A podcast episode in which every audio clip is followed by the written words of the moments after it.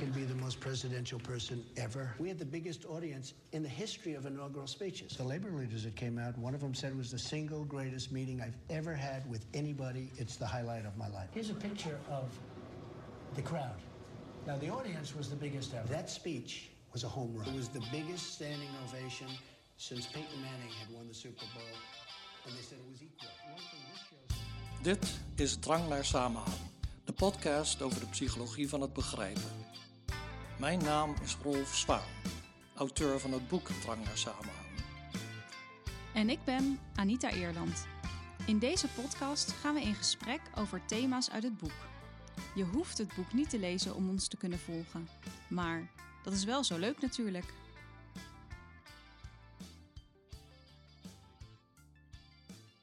In deze aflevering gaan we het hebben over de narratieve identiteit van de voormalig president van de Verenigde Staten, Donald Trump.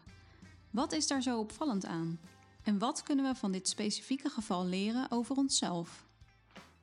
Nou, als er iets of iemand uh, de laatste jaren was die een uitdaging was voor onze drang naar samenhang, onze poging om de wereld te begrijpen, was het natuurlijk wel Donald Trump. Mm want zijn uh, tegenstanders, maar ook voorstanders, konden er vaak geen touw aan vastknopen uh, aan wat hij deed, of wat hij zei, of wat hij besloot. En wij natuurlijk al helemaal niet. Ik heb het in het boek veel over Trump, maar we gaan het er nu in deze aflevering over hebben, omdat er een artikel over hem is verschenen. Ja, Trump is inderdaad een dankbaar onderwerp als we het hebben over begrijpelijkheid of uh, nou ja, eigenlijk onbegrijpelijkheid. Ik gebruik ook vaak voorbeelden van, uh, van speeches van hem bijvoorbeeld in colleges over uh, begrijpelijkheid. En um, we zijn deze aflevering begonnen met een fragment van een speech van Trump. En dat hebben we natuurlijk ook al eerder gedaan in aflevering 5. Klopt, ja, klopt. En nu is er dus een, een psycholoog, Dan McAdams. We hebben al eerder een beetje uit zijn werk geput. En die heeft een boek geschreven over Trump en later ook een artikel.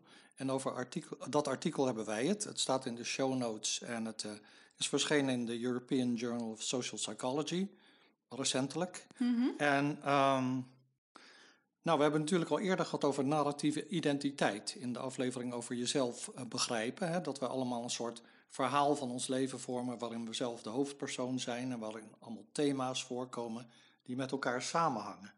Nou, wat uh, McArdle, uh, nee, McAdams geconcludeerd heeft over Trump, is dat hij dus geen narratieve identiteit heeft. Dat is dus zijn conclusie in zijn boek en ook uh, in dat artikel waar, waar we het hier over hebben.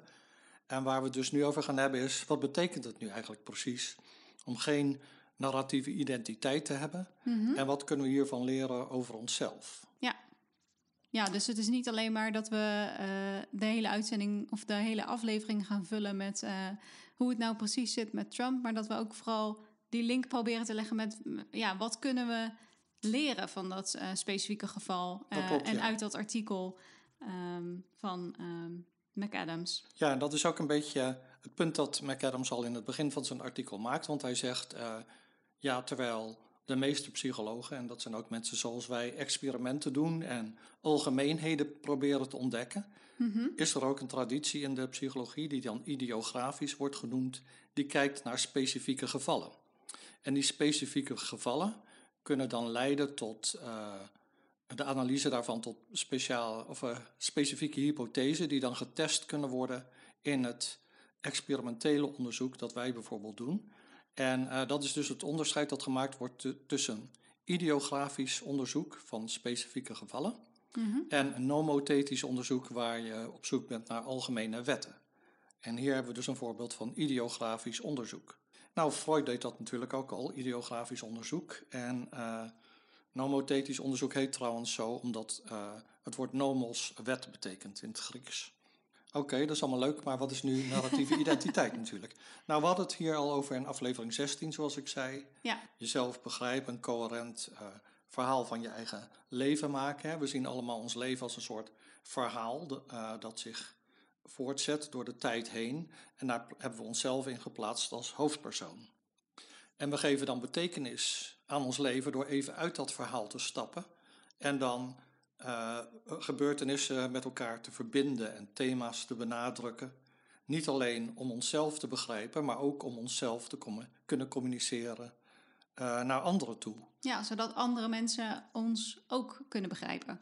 Ja, zodat ze ons ook kunnen begrijpen en dat zij wat wij hen vertellen weer deel kunnen maken van hun eigen verhaal eventueel. En uh, ja, dat vertellen van verhalen zit diep geworteld in ons als mensen. Ja, we hebben het al in de podcast en in het boek heb ik het heel vaak over verhalen. En we gebruiken verhalen voor allemaal doeleinden, allerlei doeleinden. Om elkaar te vermaken, ja. om uh, belangrijke informatie over te dragen, uh, te roddelen of bijvoorbeeld de tijd op te vullen en een saai moment uh, spannender te maken. En er zijn claims dat taal ontstaan zou zijn zodat we elkaar beter verhalen kunnen vertellen. Hè? Dat we niet meer op klanken en gebaren, of ik bedoel betekenisloze klanken en gebaren hoeven af te gaan. Ja, en dat, we, dat uh, het vertellen van verhalen zo diep geworteld zit in ons als mens, dat zie je eigenlijk ook al bij kinderen.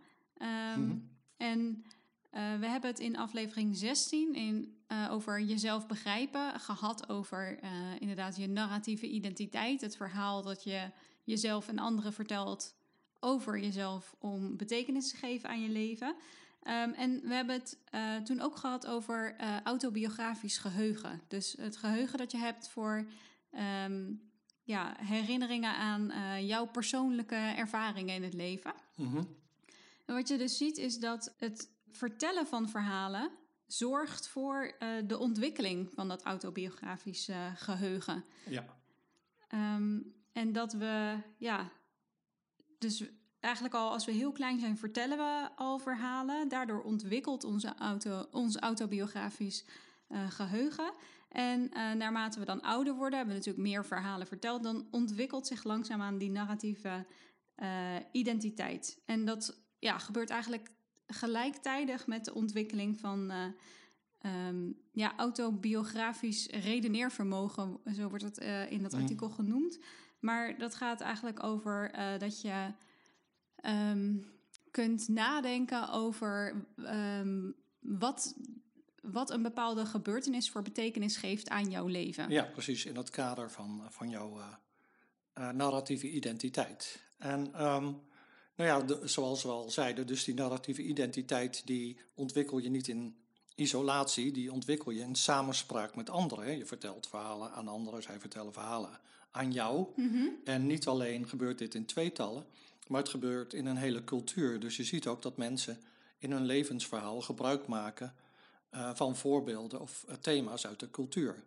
Dus bijvoorbeeld, uh, laten we zeggen, Amerikanen hebben het dan over, weet, weet, ik veel, dat het leven maakbaar is. Hè? Dus, we hebben toevallig net op de Olympische Spelen dan een Amerikaans meisje gezien dat ja. gouden medaille won op de sprint. En haar levensverhaal is, is al zo van veel tegenslag als kind, desondanks gestudeerd hebben en dan ook nog een gouden medaille winnen. Ja. En dus het overkomen van obstakels, dat is een beetje uh, gekoppeld aan het Amerikaanse levensverhaal. Daarmee zeg ik niet dat het niet in andere. Ja, de American Dream, hè? Ja, dat je... From rags to riches, ja. hebben ze dan. Ja. ja, dus dat is maar één voorbeeld. Je kunt er nog veel meer um, bedenken. En maar ja, wat dan ook gebeurt, is dat dus mensen die meer samenhangende verhalen kunnen vertellen, waarin zij benadrukken dat zij in controle zijn, dus ze zien zichzelf als iemand die in, controle is van zijn of haar leven, uh, of controle heeft over zijn of haar leven. Die mensen zijn vaak uh, op, op andere waarden, scoren ze hoger, hè, op uh, psychologisch welbevinden dan bijvoorbeeld mensen die die zichzelf altijd zien als een speelbal van de omstandigheden. En dat merk je ook heel erg aan de verhalen die sommige mensen vertellen. Alles zat altijd tegen. En het was altijd. Uh, uh, het was nooit de persoon die eigenlijk het initiatief nam. De dingen overkwamen die persoon altijd. Ja, dus je, je wil wel dingen doen, maar helaas, het lukte niet. Of uh, inderdaad, dat ja. je altijd tegenslag hebt. Mm -hmm. um, nou, we hebben nu we hebben nu best wel uitgebreid uh, gehad over wat dan narratieve identiteit is. Um, en over dat dat samenhangt met uh, autobiografisch geheugen. Als we nu weer teruggaan naar dat artikel van McAdams, want dat gaat dus specifiek over ja. uh, Trump en over de narratieve identiteit van Trump, is het eigenlijk zo dat die auteur, dus McAdams, zegt dat hij was gevraagd om um, nou, iets over de persoonlijkheid van Trump te zeggen. Ja. En ehm, hij zegt in zijn artikel, ja, dat kun je dus doen uh, door naar drie verschillende uh, dingen te kijken eigenlijk. Um, uh, het eerste wat hij noemt is, hij noemt dat de social actor. Um, en als je daarnaar kijkt, dan, dan, kijk je naar het gedrag en de -hmm. emoties die typisch zijn voor iemand. Dus eigenlijk, hij zegt, dat is een soort sociaal-emotionele stijl van iemand. Mm -hmm. um, dat is één aspect waar je uh, naar kunt kijken als je iets wil zeggen over de persoonlijkheid van iemand. Dus dat heeft hij uh, gedaan voor Trump. Um, het tweede aspect is uh, de motivated agent. Dat gaat over ja, wat wil iemand eigenlijk bereiken? Wat zijn iemands waarden? Dat je weet eigenlijk ja, wat iemand beweegt. Ja. Dat zegt namelijk ook iets over uh, iemands persoonlijkheid.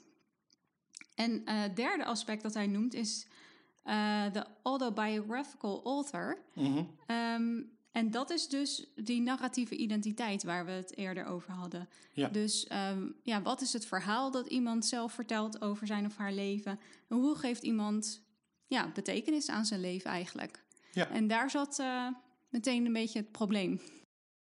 Dat klopt, ja. Ja, dus, die, uh, dus, dus uh, McAdams vond het vrij gemakkelijk om op een oppervlakkig niveau Trump te beschrijven. Hè? Dus als je kijkt naar de, de Big Five bijvoorbeeld dan scoort uh, Trump uh, hoog op extra versie. Heet dat ook zo in het Nederlands? Ja, ik dacht even, misschien moet even zeggen wat de Big Five ook weer is. Dat oh, ja. dat zo vijf uh, dimensies zijn om ja, eigenlijk een persoonlijkheid van iemand in te delen. Dus ja. inderdaad vijf verschillende aspecten waarop je dan hoog of laag kunt scoren. En dan komt er een bepaalde combinatie uit voor elk persoon. Ja, en ik weet eerlijk gezegd niet uit mijn hoofd wat alle vijf zijn, maar ik weet wel... Nou, je hebt Ocean, dat is het uh, oh. ezelsbruggetje. Dus je hebt oh, openness to experience, ja. uh, conscientiousness, uh, extraversie, agreeableness en neuro neuroticisme. Ja, ja precies. Ja. Um, en er waren dan twee waar, er twee waar Trump er dan zeg maar bovenuit sprong of onderuit dook. en een ervan was extraversie, die was hoog bij hem. Een agreeableness, hè, dat je inschikkelijk bent, zeg maar. Dat was vast heel laag bij dat hem. Dat was heel laag. Dat is bij mij ook niet zo hoog, eerlijk gezegd. Maar goed, ik hoop dat ik verder niet op Trump lijk. Um, en uh, Trump was dan ook zeer narcistisch. Dat is dan uh, niet een van die big five, maar... Um, uh, maar goed, dat kon McAdams dus makkelijk vinden. Maar hij vond het dus moeilijk om een onderliggend verhaal te zien. Ja, dus dat derde aspect van ja, die, die, narratieve identiteit. Zijn conclusie was dan ook, en daar, en daar begon je eigenlijk al in het begin uh, mee, ja, dat had je eigenlijk al uh, verteld, dat mm-hmm. hij zegt, ja, Trump lijkt eigenlijk ge- helemaal geen narratieve identiteit uh, te hebben. Hij ziet zichzelf niet als een persoon die zich ontwikkelt over de, of door de tijd heen. Um, het is eigenlijk alsof hij elke dag opnieuw wakker wordt uh, en met een schone lei begint. Dus er, er lijkt helemaal geen, geen samenhang te zitten in de dingen die hij meemaakt. Ja, dat klopt. Dat is wat, uh, wat McAdams zo zegt. En uh, ja, in die zin ehm, moet je ook denken, moest ik denken aan, nou, waar ik het over had in aflevering 16, die koordirigent Clive Waring, die dus... Ja, die maar die heeft hersen, dus hersenschade, ja. maar die, die is steeds in het moment. Hij wordt steeds opnieuw wakker, elke vijf seconden. Zo extreem is het niet bij Trump natuurlijk. en um, ja. McAdams zelf verwijst naar de film Memento, waar de hoofdfiguur ook, uh, nou ja, uh, geen nieuwe herinneringen kan aanmaken, geloof ik. En dan tatoeëer, laat hij steeds zich op zijn, mm -hmm. iets op zijn arm tatoeëren of zoiets. Uh, van wat hij dan gedaan heeft. Het is maar even. Oh, het is wel heel lang geleden dat ik die geleden. film heb gezien. Er zijn ook wel andere films die een beetje datzelfde concept gebruiken. Ik en een film die ik ook heel lang geleden heb gezien, volgens mij was het 50 First Dates. En dat gaat ook over een vrouw uh, die elke ochtend wakker wordt en dan weet ze helemaal niet meer wie ze is. En uh, volgens mij heeft haar vriend of haar man, die maakt dan een soort van video waarin die heel oh, kort ja. vertelt uh, nou ja, wie zij is, hoe haar leven eruit ziet. En dan elke ochtend moet ze dat dan kijken en dan, dan is ze weer helemaal blij, want dan weet ze weer hoe zij nou ja, daar terecht is gekomen en hoe haar familierelaties en zo zijn. Maar ja, dat is wel best vermoeiend natuurlijk. Ah, onbegrip van de week. Uh, nou is onbegrip van de week wel een beetje een raar onderwerp in een uh, aflevering over Trump, uh, die ons onbegrip van de laatste vijf jaar was. Maar ja, in ieder geval hopen we wel dat we met deze aflevering iets van het onbegrip weg kunnen nemen. Ja, ik denk dat dat wel gaat lukken, maar ik vrees dat er dan nog genoeg onbegrip overblijft. Ja, McAdams concludeert dus dat Trump geen narratieve identiteit heeft, omdat er geen samenhang lijkt te zitten in wat hij vertelt over zichzelf. En dat is wel nodig om een levensverhaal te creëren. Mhm. Ja, want je moet besef, of je moet dan uh, alles wat je meemaakt, moet je koppelen aan je verleden. En ook koppelen aan uh, de plannen die je hebt in de toekomst. Maar ja, als jij steeds heel erg in het moment ja. leeft, dan, ja. Uh, ja. dan doe je dat niet. Alles wat er gebeurt, is, zijn dan afzonderlijke gebeurtenissen. En McAdams zegt, ja, um, Trump heeft wel besef van tijd. Dus het is niet zo dat hij dat hij dat niet heeft en daardoor geen uh, narratieve uh, identiteit heeft ontwikkeld. Maar um, kennelijk ziet uh, Trump, volgens McAdams, dus geen noodzaak om een consistent verhaal van zichzelf te presenteren. dus um, ja, en, en als je dat niet belangrijk vindt om zo'n verhaal te maken, en waarom dat dan zo zou kunnen zijn, daar gaan we het denk ik later nog over hebben. Maar als je dat niet uh, doet, dan maakt het dus ook niet uit als je jezelf op verschillende momenten tegenspreekt. Want je hoeft dus die verschillende momenten niet met elkaar te kunnen rijmen voor jezelf. Als het niet belangrijk voor jou is dat je een, ja, een, een narratieve identiteit ontwikkelt en presenteert. Ja, en ik moet zeggen dat toen wij keken naar The Apprentice, de, de tv-show van Trump, de reality show, waarin mensen dan bepaalde opdrachten moeten uitvoeren. En degene die dat dan, dan, dat dan uiteindelijk het beste doet, die wordt dan een hulpje van Trump. Dat is het idee. Mm -hmm. Niet echt toch, volgens mij, ja? Ja, echt, uh, dat was dan echt zo, ja. Oh, maar, ik dacht dat dat alleen voor de show was. En dan moesten, maar ze moesten dus opdrachten uitvoeren. En dan had Trump altijd twee... Uh, nou, iemand die voor hem werkte. En bijvoorbeeld ook zijn dochter Ivanka. En die moesten dan de kandidaten beoordelen. En dan aan Mr. Trump vertellen wat ze ervan vonden. Maar dan had je wel eens dat Trump dus twijfels had bij een persoon. En dan zei Ivanka, ja, die deed het helemaal niet goed, dit en dat.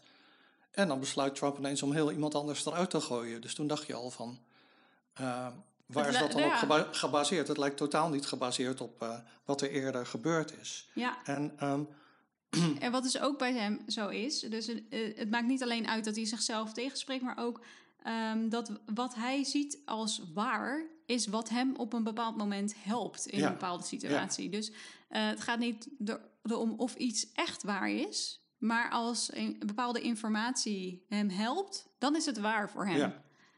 En dat zie je eigenlijk ook wel terug. Dat hij, en daardoor kan je ook steeds switchen. Ja. Want niet dezelfde waarheid is steeds um, uh, ja, nuttig voor jou. Want en dat zie je met die vaccins. Dat, uh, dan, dan was hij weer voor, dan was hij tegen. En onder zijn leiding zijn wel heel snel die vaccins er gekomen. Maar dan uh, aan de andere kant poepoet hij dat dan een ja, beetje. Daarna was het, ineens, het was ook uh, allemaal niet nodig om die vaccins ja. te nemen.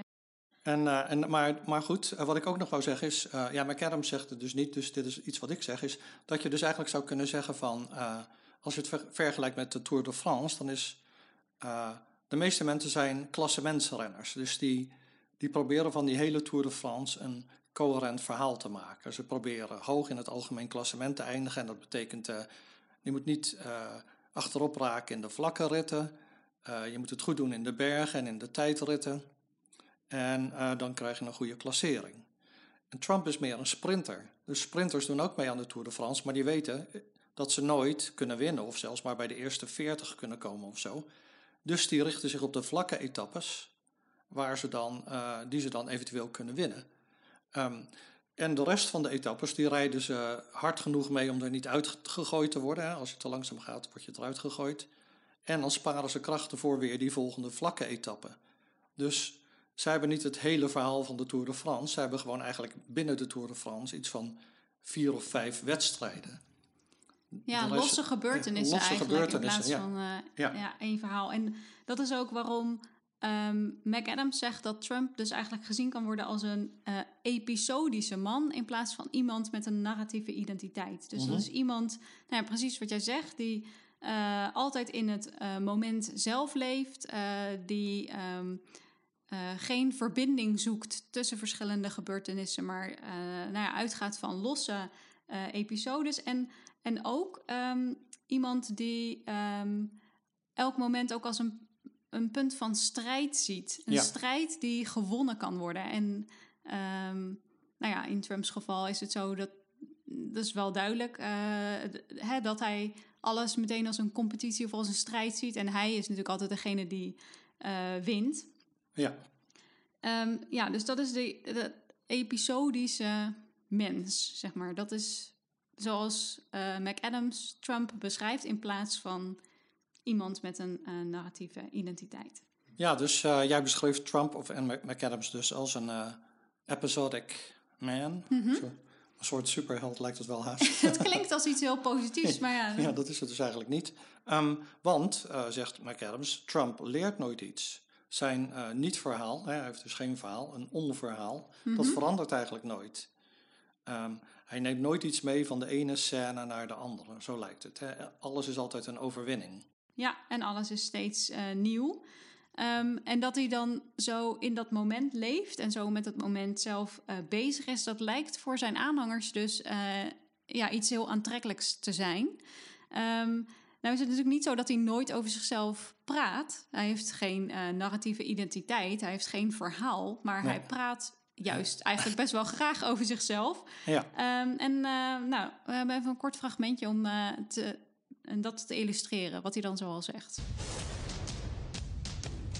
I love to negotiate things. I do it really well and all that stuff. I do get good ratings, you have to admit that. I know what's good and bad. I'd be a pretty good reporter. I can handle a bad story better than anybody. The Rasmussen poll just has me through the roof. I'm actually having a very good time.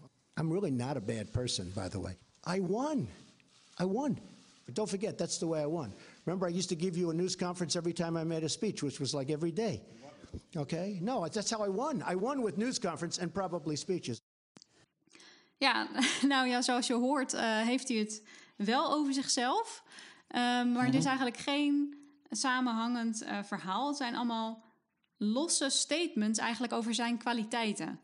ja. Hè, hij zegt eh, wat hij allemaal goed doet. En, ehm, en, En hij zegt altijd dat, dat hij dan beter is dan anderen, zonder ook maar enige interesse te hebben in anderen en te weten wat zij kunnen.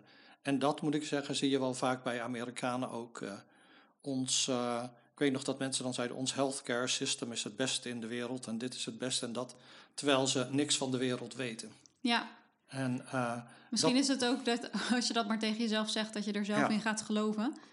Ja, dat denk ik wel. Eh, ehm, eh, in ieder geval werkt het zo bij hem. Maar dat is wel toch een beetje waar je dan ook de cultuur in door ziet zijpelen, denk ik. Want dat is niet uniek voor hem, vind ik. Ik heb dat al vaker gezien bij mensen. Alleen betrekken die het dan misschien meer op hun land en niet zozeer op zichzelf. Hij heeft, betrekt het heel erg op zichzelf en alles. Hij is altijd overal goed in. Ja, ja, hij kan alles. En wat dus ehm, opvallend is, is dat, eh, kijk, want ook mensen die wel een narratieve identiteit hebben, kunnen zeggen van zichzelf dat ze fantastisch zijn. Alleen Mhm. de statements die Trump maakt, die zijn helemaal niet gegrond in een bepaalde gebeurtenis. Nee. Dus ze, ze lijken los te staan. Jij zei al eerder, en daar hebben we het in de eerdere aflevering ook over gehad, dat dat narratieve verhaal da- daarin. daar neem je gebeurtenissen in op en die, die vinden plaats op een bepaalde mo- bepaald moment, op een bepaalde locatie, met bepaalde mensen. En alles wat Trump zegt lijkt daar helemaal los van te staan. Dus het zijn hele algemene claims die helemaal niet Ja, passen bij een bepaalde gebeurtenis. ja, En dat raakt denk ik ook aan wat je net zei, dat hij helemaal geen bewijs heeft voor eh, of hij iets nu beter heeft gedaan dan iemand anders. Weet je, het was Nee. niet dat er een concrete wedstrijd was. Hij roept dat gewoon. hij roept dat gewoon. En nu moet ik ook denken aan, dit, dit koppelend aan wat jij eerder zei, dat hij eh, inconsistent is. Hè, wat ook een beetje een, natuurlijk het punt is van eh McAdams. Dat heeft hij ook met personen. Dus dan als iemand, ehm, eh, laten we zeggen, nieuw is in zijn kabinet, dan is het eh, de beste persoon aller tijden voor die en die functie. En als die persoon dan iets doet wat hem niet bevalt, dan is het meteen een waardeloze figuur. Er zit Ja, niks eh, tussen. Dan zijn ze ook zo ontslagen. Ja, dan denk je van, hoe zat het dan met al die kwalificaties waar je het eerder over had? Ineens zijn die niet meer belangrijk. Ja. En, eh, maar dan heeft die persoon afgedaan, die is niet meer nuttig voor hem. En dan eh, vervallen ook ineens alle positieve kwalificaties. Um, nou ja, nu kunnen we natuurlijk nog eindeloos doorgaan over Trump. En uh, dat is niet de bedoeling. Nou, ik, ik, wilde alleen nog even zeggen oh. dat aan, omdat het fragment was uh, redelijk lang, maar ik heb hem expres wel iets langer gemaakt. Want aan het eind hoor je heel duidelijk dat uh, die drang naar strijd en, en om te winnen. Hè, want het lijkt wel alsof hij een beetje zo boos wordt naar, mm -hmm. ja. naar de journalist toe. Van nee, ik heb echt gewonnen. Ik heb gewonnen. Dat hoor ja. je een ja. beetje zo. Um, ja, je, je hoort erin dat hij dat heel erg wil uh, benadrukken. Ja, ja dus dat, dat klopt. Daarom vond ik dit ook wel een, uh, op zich een mooi uh, fragment. Ja, het is vrij tekenend, hoewel het een beetje lijkt alsof het samengeknipt is. Maar ik weet niet of dat zo is. Maar zo ja, het, het zijn, beetje... het zijn wel losse statements uit ja. een speech van hem. En ja. ik, ik dacht dat dit de eerste officiële speech was dat die, die hij had gegeven nadat hij gekozen was tot president. Ja, maar goed, nu dus echt even genoeg over Trump. Uh, want het gaat natuurlijk om wat kunnen wij nu leren van deze analyse. En uh, nou, dan komen we even terug op de wetenschapsfilosofie. We hadden het al over ideografisch versus nomothetisch onderzoek. Hè? Onderzoek naar specifieke gevallen versus uh, wetmatigheden. Mm-hmm. En een ander onderscheid uit de wetenschapsfilosofie is het onderscheid tussen de context van ontdekking, context of discovery, en de context van rechtvaardiging, context of justification. En het ene is dus uh, waar je ideeën op doet voor hypothese, dat is wat uh, McAdams nu gedaan hebt, heeft. En het tweede is dus dat je die hypothese systematisch gaat testen. En dat is dus nomothetisch onderzoek. En uh, nou ja, dat is dan ook de volgende stap, zegt McAdams. We moeten nu gaan kijken van wat kunnen we van dit geval leren over uh, levensverhalen in het algemeen. Ja. En dan zegt hij, uh, nou ja, wat we kunnen leren is dat mensen verschillen in de mate waarin ze een narratieve identiteit ontwikkelen. Waarbij sommigen zelfs nauwelijks een narratieve identiteit lijken te hebben. En dan zegt McAdams, ja, dat idee lijkt in de lucht te zitten, want een paar jaar eerder, voordat zijn boek uitkwam, had een team van onderzoekers een vragenlijst ontwikkeld. Die heet de Awareness of Narrative Identity Questionnaire. En uh, daarin staan vragen zoals. Uh, of, uh, nou, het zijn statements, zijn het, beweringen. Ja. Wanneer ja. ik over mijn leven nadenk, zie ik hoe er een verhaal is dat me vertelt wie ik ben. En dan moet je op een schaal van 1 tot 10 of zo zeggen hoezeer je het daarmee eens bent. Um, en dan heb je ook als andere vraag: er zijn duidelijke thema's die samenhangen met wie ik ben en die in mijn persoonlijke herinneringen gevonden konden, kunnen worden. Ja, wat, wat dus Um, het, het, punt volgens mij van McAdams was dus... die vragenlijst is dus uh, recent ontwikkeld... maar door die items die je net uh, um, noemde, die statements... Daar, daarin zit ruimte om te antwoorden dat je dat niet hebt. Ja. Terwijl daarvoor werd er altijd gedacht dat iedereen ja. die narratieve identiteit ontwikkelt. Maar uit deze vragenlijst kun je afleiden dat onderzoekers al een beetje uh, ruimte laten voor de mogelijkheid dat je dat misschien niet hebt. Ja, en dat, uh, dat vonden die onderzoekers dus ook. En McAdams zelf ook in, in later onderzoek. Dat dus mensen die hoog scoren op die uh, vragenlijst, die dus steeds zeggen van ja, ik heb duidelijke thema's in mijn leven die samenhangen met wie ik ben enzovoort. Um, die mensen beschrijven kantelpunten in hun leven, waar iets dramatisch gebeurt en hoe ze daar dan mee om zijn gegaan, op een manier die meer samenhangend is dan mensen die lager scoren op die vragenlijst. Dus die vragenlijst lijkt samen te hangen met de mate waarin jij samenhang in je leven ziet en kunt overbrengen op anderen. Ja, en er was ook nog een, een link met mensen met een, uh, een borderline persoonlijkheidsstoornis, dat die uh, ook lager scoorden op die vragenlijst. Dus ook minder samenhang in het levensverhaal. En op zich is dat misschien ook wel uh, logisch, omdat ja, um, het voor die, die mensen heel erg wisselt, zeg maar, hoe het levensverhaal eruit ziet. Dus uh, uh, je ziet daarin heel erg aantrekken en afstoten van andere mensen om je heen. En mm-hmm. nou ja, als een, een, pers een, belangrijk persoon in je leven op het ene moment uh, fantastisch is en op het andere moment waardeloos, dan is dat natuurlijk moeilijk om met elkaar te rijmen en om daar één ja. samenhangend verhaal van te maken voor jezelf.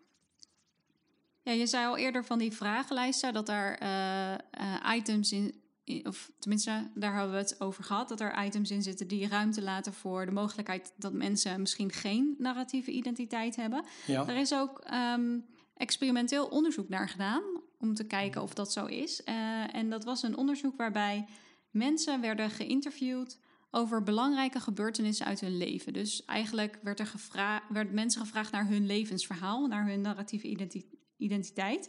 En wat onderzoekers zagen, um, was dat bij de meeste mensen het praten daarover mm leidde tot een toename van positieve emoties. Dus kennelijk vinden mensen het fijn om ehm, te vertellen en ook om over hun uh, leven te vertellen.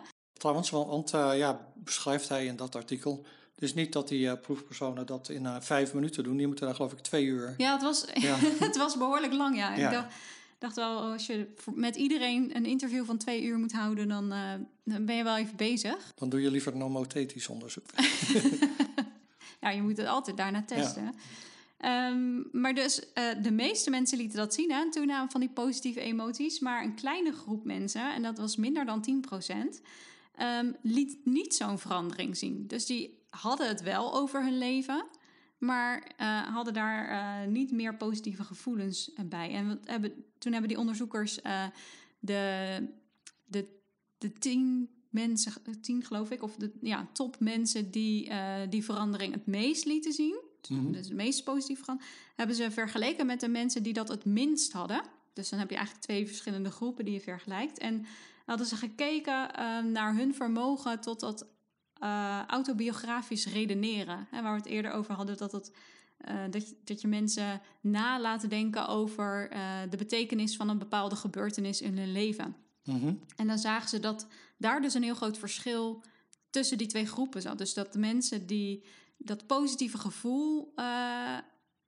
hadden door mhm. het praten, die konden ook veel beter dat autobiografisch uh, redeneren. Dus dan, dan lijkt het hebben van zo'n narratieve identiteit weer samen te hangen met dat autobiografisch redeneren en ook um, nou, plezier dat je daaraan beleeft. Ja, ja want dat, dat is inderdaad wat, wat hij zegt, McAdams, van oké, je hebt narratieve coherentie, samenhang, dat is mhm. één ding, maar een ander aspect van, laten we zeggen, identiteit is dat je kunt redeneren over je eigen ervaringen.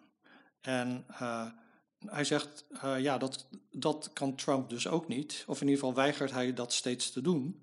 Dus dat is iets anders wat nog gemeten zou moeten worden. Hè, als je dat wil toepassen op andere mensen, wil kijken of die daarin van elkaar verschillen. En dat is dus een uh, onderzoeksvraag die, uh, die er nog ligt. Mm uh, maar hij zegt dan wel, ja, onderzoek suggereert dat er een relatief kleine minderheid van mensen is die het idee dat je leven gezien kan worden als een verhaal niet aantrekkelijk vinden. als een verhaal dat iemand met een zekere mate van, laten we zeggen, betekenis en doelgerichtheid Ehm, die, die iemand een zekere mate van betekenis en doelgerichtheid oplevert. Sommige mensen vinden dat gewoon geen prettig idee, blijkbaar. Ja, maar dat, zou dat dan bewust zijn? Zo klinkt het een beetje van, de, oh, dat vind ik geen fijn idee, maar het zal toch nee, nee, dat komt dan, Ja, dat, dat, komt dan tot uiting in hoe zij vertellen. Ja. Dat is niet hoe ze dat zelf zullen verwoorden. Nee, nee dat denk ik ook niet. En nou zegt McAdams dan, dus we moeten in toekomstig onderzoek gaan onderzoeken uh, wat dan de episodische aard is van uh, hoe, hoe, sommige mensen elkaar uh, hun eigen leven zien. Hè? Hoe episodisch is dat? Hoe Trump-achtig is dat nu eigenlijk? En hoe voelt het nu eigenlijk om op zo'n manier te, je leven te leiden? En wat zijn de psychologische kosten en baten van je leven op zo'n manier construeren of opvatten? Ja. En, nou ja, zijn er factoren in de ontwikkeling of misschien culturele factoren die invloed uit of uitoefenen ja. op of je wel of geen narratieve identiteit ontwikkelt. Dus eigenlijk, ja, wat, wat bepaalt dat dan? Als er een kleine groep mensen is dat uh, niet, uh, geen narratieve identiteit ontwikkelt, dan ja, zit dat dan in de ontwikkeling van iemand? Komt dat door culturele factoren? Dat zijn allemaal nou ja, interessante vragen voor vervolgonderzoek die dus voortkomen uit deze hele studie naar Trump. Ja, precies. En uh, zo concludeert uh, uh, McAdams dan ook. De laatste zin van zijn artikel is uh, in het Nederlands, ik moet even vertalen, aldoende. De psychologie van één persoon, één mens, zelfs een persoon die zo psychologisch zo uitzonderlijk is als Trump, kan soms implicaties inhouden om uh, de psychologie van veel anderen te begrijpen. En dat is eigenlijk de conclusie van zijn artikel en van deze aflevering. Nou, dat is een hele mooie conclusie. Maar het leek me toch wel leuk om deze aflevering ook af te sluiten met Trump. Oké. Okay. Um, want ik heb nog één fragmentje. Want uh, we hebben het gehad over um, dat Trump uh, het wel over zichzelf heeft, maar dan um, ja, eigenlijk alleen maar losse feitjes noemt en niet echt zo praat over zijn verleden, bijvoorbeeld. Mm -hmm. nou, dat, dat doet hij dus wel, maar dat doet hij ook weer op een andere uh, manier. Dus het fragment waarmee ik eigenlijk wil eindigen is een um, heel bekend fragment waarin hij heel veel verschillende dingen bespreekt, die totaal niet met elkaar lijken samen te hangen. Maar uh, hij heeft het hier voornamelijk over zijn oom. Dus er, ja. hij vertelt daarin wel iets over zijn verleden. Um, dat hij dingen van zijn oom heeft geleerd. Maar eigenlijk vertelt hij verder over die oom ook weer alleen maar feitjes over hoe goed, uh, hoe fantastisch uh, hij is. Om de luisteraar te imponeren. En um, nou ja, daar wilde ik eigenlijk mee eindigen. Oké, okay, nou goed, dan krijgt Trump toch weer het laatste woord. But you know what irks me? Look, having nuclear. My uncle was a great professor and scientist and engineer, Dr. John Trump at MIT. Good, good genes, very good genes, okay? Very smart. The Wharton School of Finance, very good. Very smart. You know, if you're a conservative Republican, if I were a liberal, if like, okay, if I ran as a liberal Democrat, they would say I'm one of the smartest people anywhere in the world. It's true. But when you're a conservative Republican, they try, oh, do they do a number? That's why I always thought of went to Wharton, was a good student, went there, went there, did this, built the, you know, I have to give my like credentials all the time because we're at a little disadvantage. But you look at the nuclear deal, the thing that really bothers me, it would have been so easy, and it's not as, as important as these lives are. Nuclear is so powerful. My uncle explained that to me many, many years ago, the power, and that was 35 years ago. He would explain the power of what's going to happen, and he was right. Vond je dit een leuke aflevering? Abonneer je dan. Op Twitter en Instagram zijn wij te vinden als Drangkast. Je kunt ons ook mailen via drangkast.gmail.com. Beoordeling met 5 sterren helpt nieuwe luisteraars onze podcast te vinden. Behoefte aan meer drang naar samenhang? Ga dan naar de boekwinkel of bestel het boek online via www.boompsychologie.nl slash drang naar samenhang. De hoofdstukken die aansluiten bij deze aflevering vind je in de show notes. Tot de volgende drang. Drang naar samenhang is een podcast van Rolf Zwaan en Anita Eerland. Montage door Rolf Zwaan. Muziek geschreven en gespeeld door Rolf Zwaan.